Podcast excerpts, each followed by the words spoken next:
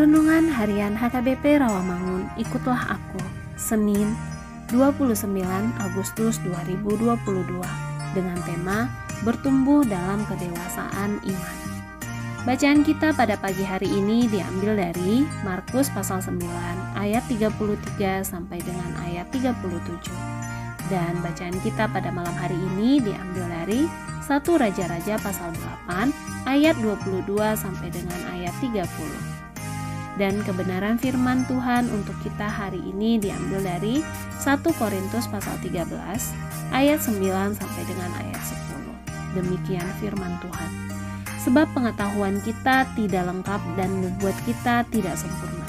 Tetapi jika yang sempurna tiba, maka yang tidak sempurna itu akan lenyap. Sahabat, ikutlah aku yang dikasihi Tuhan Yesus. Rasul Paulus memakai perangai anak-anak di salah satu bagian tulisannya untuk menasehati jemaat di Korintus. Mengutip kata-kata Maurence E. Weger, seorang penulis buku ia berkata bahwa masalah yang paling umum terjadi dalam suatu hubungan dengan orang lain adalah kecenderungan untuk mengendalikan seseorang yang kita kasihi. Kita menjadi posesif, bercemburu, dan terlalu banyak menuntut. Bukankah sifat-sifat seperti itu adalah sikap seorang anak kecil yang selalu merasa diri lebih hebat dari orang lain? Yang hendak ditekankan oleh Paulus saat itu tentu saja adalah perubahan perilaku.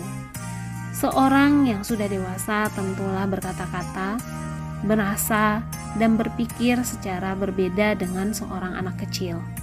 Seorang yang dewasa rohani dengan semua karunia yang menyertainya tidak akan pernah merasa diri lebih hebat dari orang lain. Seorang yang dewasa rohani menyadari bahwa sia-sialah semua karunia, bahkan imannya jika ia tidak hidup dalam kasih. Seorang yang dewasa rohani hidup dalam kasih. Ia sabar menanggung segala sesuatu, tidak memegahkan diri, tidak sombong, tidak melakukan yang tidak sopan, tidak mencari keuntungan diri sendiri, tidak pemarah, dan tidak menyimpan kesalahan orang.